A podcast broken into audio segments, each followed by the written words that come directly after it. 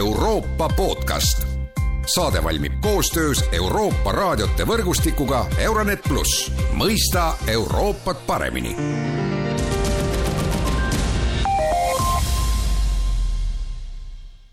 tere ja alustame tänase Euroopa podcastiga.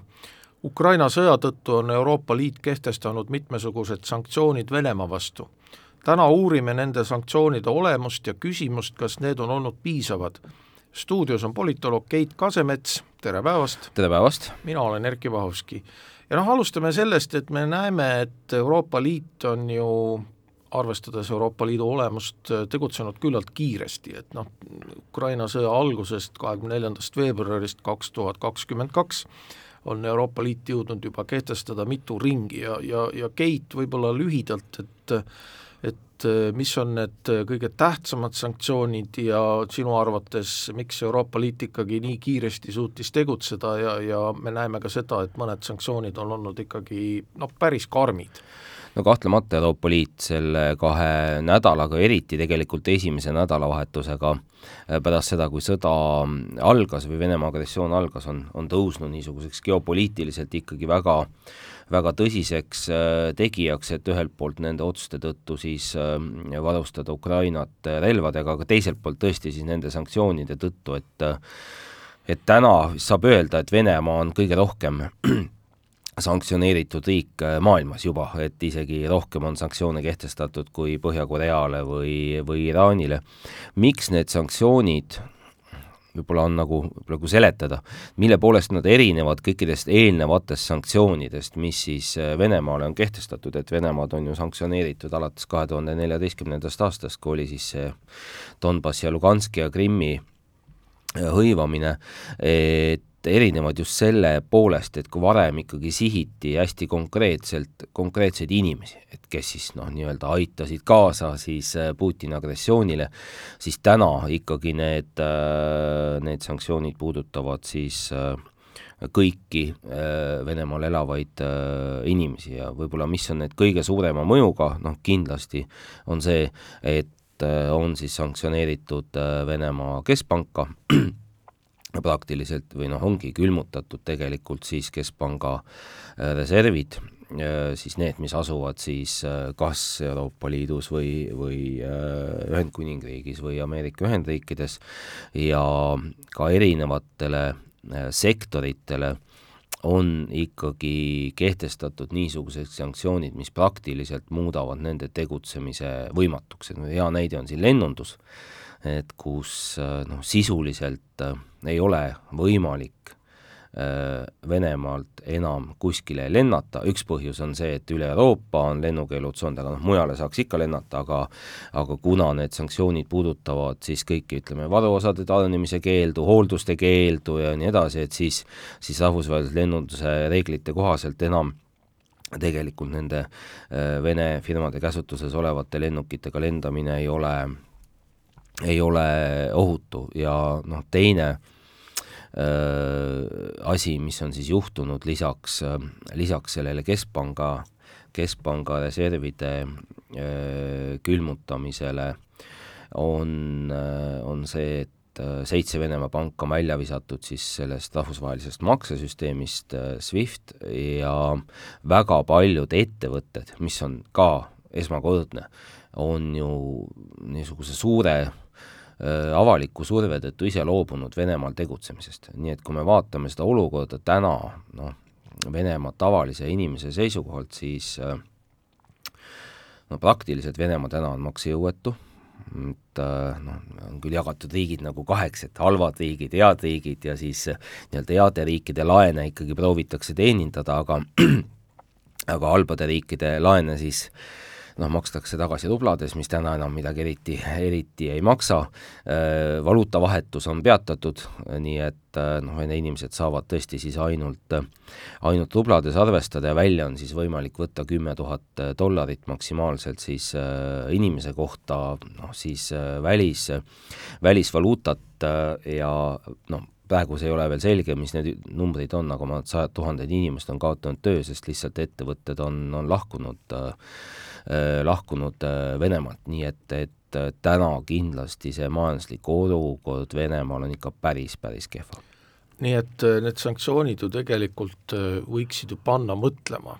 Noh, ma olen pigem skeptiline, aga ma ütlengi, et võiksid panna mõtlema ka tavalist vene inimest, et midagi on ikkagi kardinaalselt muutunud, selles mõttes, et see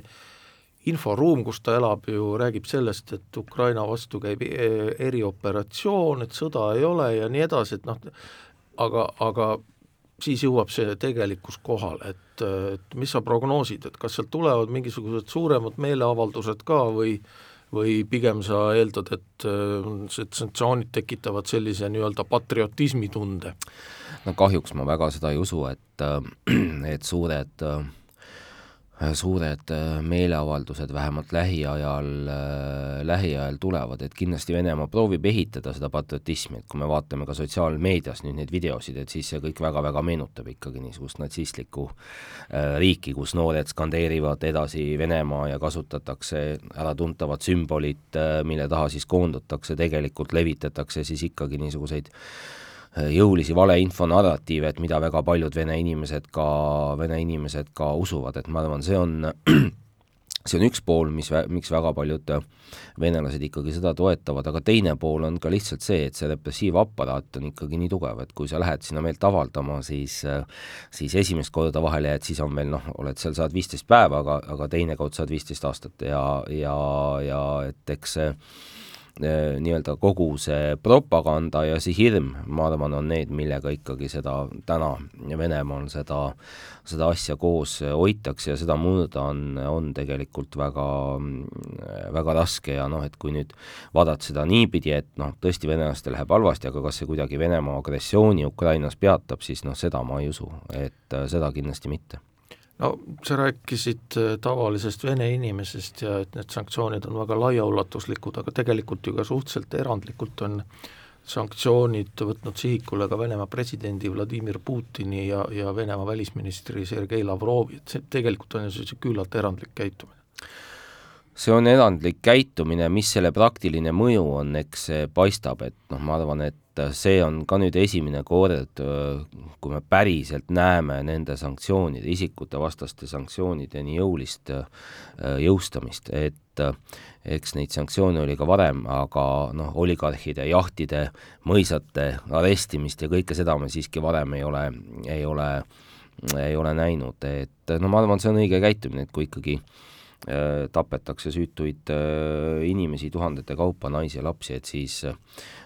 ma arvan, tulebki siin kõiki, kõiki võimalusi sanktsioonideks kasutada.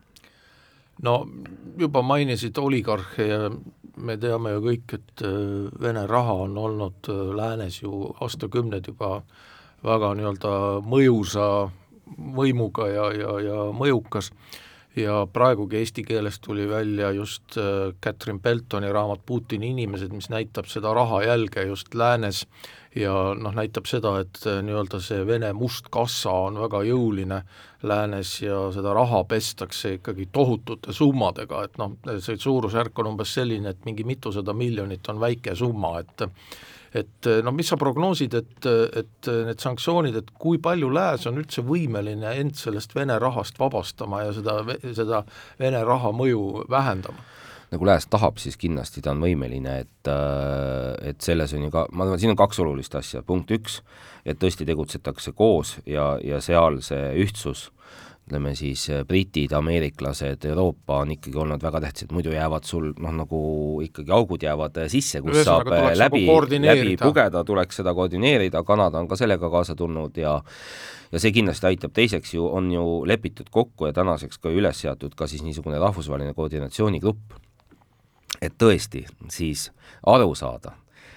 kelle raha kus, kuidas liigub ja et seda oleks võimalik tõkestada ja tõkestada ja ja ka arestida, nii et noh, mõnes riigis aeglasemalt, mõnes riigis kiiremini,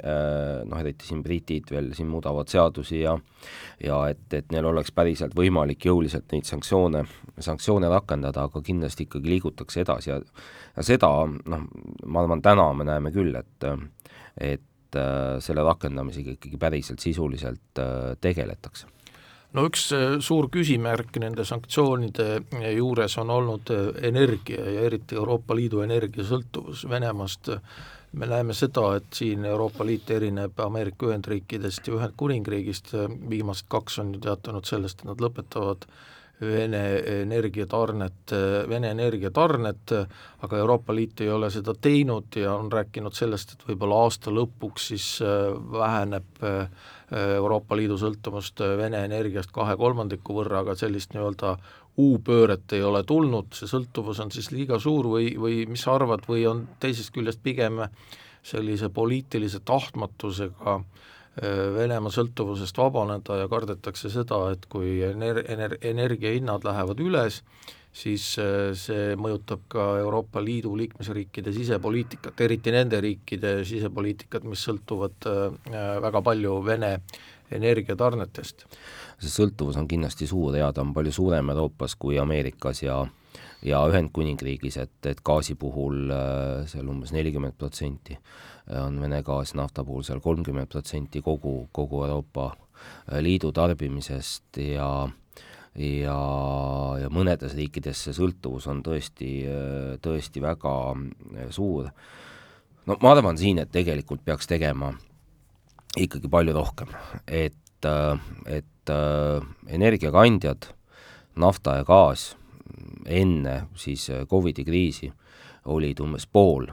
Venemaa ekspordituludest, et siis noh, kõik see, mis me muud räägime nendest eelnevatest sanktsioonidest, see on üks pool, teiselt poolt praegu siiski väga-väga suures osas ju kaudselt äh, Euroopa rahastab siis seda Putini sõjamasinat, et iga nii-öelda siis äh, kuupmeeter gaasi, mille eest makstakse, on, saab ka väljenduda seal äh, laskemoonas ja, ja, ja, ja sõjarelvastuses Venemaa poole pealt, nii et et kahtlemata sellel oleks päris tõsised mõjud nagu jõulisematel otsustel, aga aga ma arvan, siin tuleks, tuleks minna edasi, et see komisjoni kava, mis nüüd komisjon ette nüüd pani valitsusjuhtidele arutamiseks, et no see on jah, niisugune ütleme, evolutsiooniline lähenemine ikkagi, et et otsime juurde noh, teisi LNG-allikaid, tegeleme kiiremini taastuvenergia kasutusele võtmisega ja siis tõesti aitame siis, loome uusi vahendeid hinnatõusude kompenseerimiseks liikmesriikidele, et et siis tõesti see nii-öelda rahulolematus kõrgema energia hinnaga ei läheks väga suureks ja tegeleme energiaefektiivsusega, aga see ei anna ikkagi niisuguseid väga, väga kiireid lahendusi, et noh, niisugust lahendust nagu näiteks Iraani puhul, et, et noh, järjest iga nädal, iga kuu hakatigi sisuliselt vähem ostma, kuni siis selle hetkeni, et et enam, enam neid energiaallikaid ei kasutatud, et seda tegelikult praegu ei tehta. no mida see praktikas tähendaks, muidugi see oleks ka keeruline, et see siiski tähendaks selles mõttes äh, ka päris jõulisi niisuguseid energiasäästu või energiaefektiivsuse äh, meetmeid, võib-olla ka teatud määral siis regulatiivseid, et ka selles osas, et et et mingitel perioodidel siis tõesti tarbida vähem ja kõiki niisuguseid samme, aga noh, ma arvan, see on ikkagi väike hind äh, selleks, et et, et teha kõik, mis võimalik, et, et Venemaad ikkagi pidurdada siis Ukraina agressiooni puhul. No üks teema veel sanktsioonide juures ja üldse Ukraina sõja juures on olnud infosõda ja Euroopa Liit on tegelikult siis keelu, keelustanud ka Sputniku ja Russia Today tegevuse äh, oma liikmesriikides või oma territooriumil, et kuivõrd tähtsaks sa seda otsust pead, noh, me näeme seda, et noh, et meil ju siin ka vene vähemus, vene kogukond ju väga elab selles vene inforuumis ja noh, üle Euroopa Liidu on ju ka ikkagi neid venelasi, et kes oma informatsiooni saavad just või on saanud siis peamiselt nendest kanalitest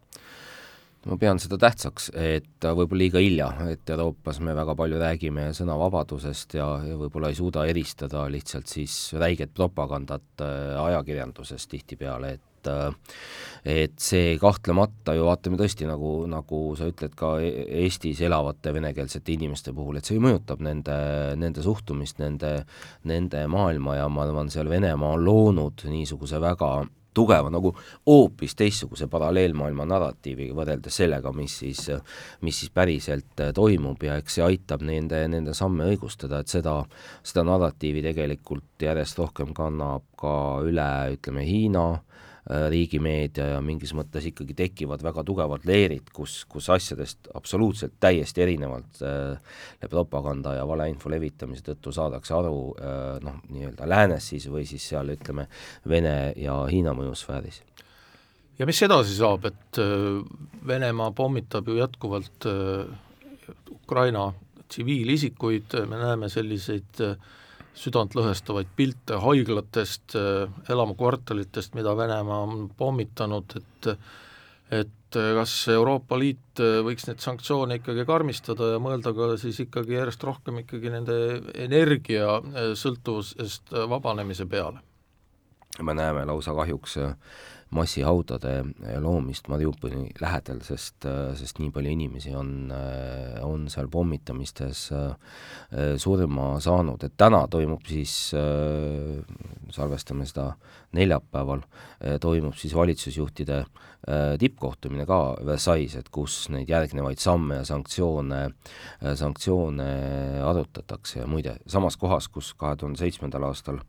siis Macron võõrustas Putinit, et siis pärast siis, pärast siis niisugust Ukraina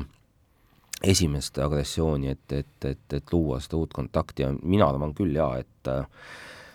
et ei tohi lasta tekkida sellel niisugusel teatud mõttes, mida, mida on praegu näha, kui lugeda,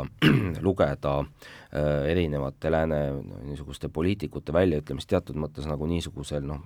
rahulolu ei ole õige sõna, vaid, vaid niisugusel äh, mõttemaailmal, et noh, me oleme nüüd äh, juba väga palju teinud, et me oleme andnud Ukraina relvi, me oleme teinud väga tugevad sanktsioonid ja noh, küll see nüüd surub siis äh, Putini põlvili ja me tegelikult midagi rohkem teha ei saa, et tegelikult need need,